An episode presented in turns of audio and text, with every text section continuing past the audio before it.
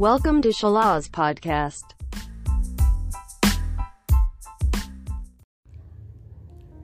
Halo Sobat Salas, jumpa lagi dengan saya, Host Pipit.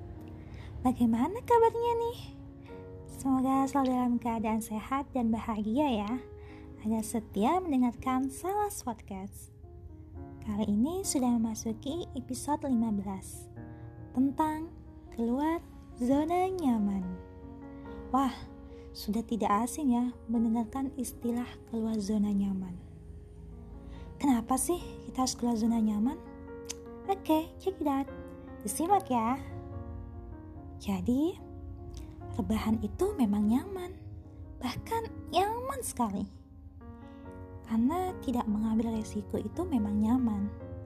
Bahkan, tidak memilih pun adalah hal ternyaman. Tapi coba deh, Sobat Salas pikirkan kembali. Coba bangkit dari rebahan. Coba berani mengambil resiko. Sebab hidup memang pilihan.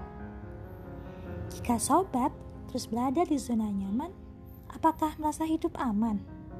Belum tentu kan? Sebab kita tidak akan berkembang. Saatnya memilih. Diam di tempat tetapi tidak ada perubahan atau keluar dari zona nyaman tetapi membawa perubahan. Semoga menginspirasi dan bermanfaat. Sampai jumpa lagi di episode selanjutnya. Terima kasih.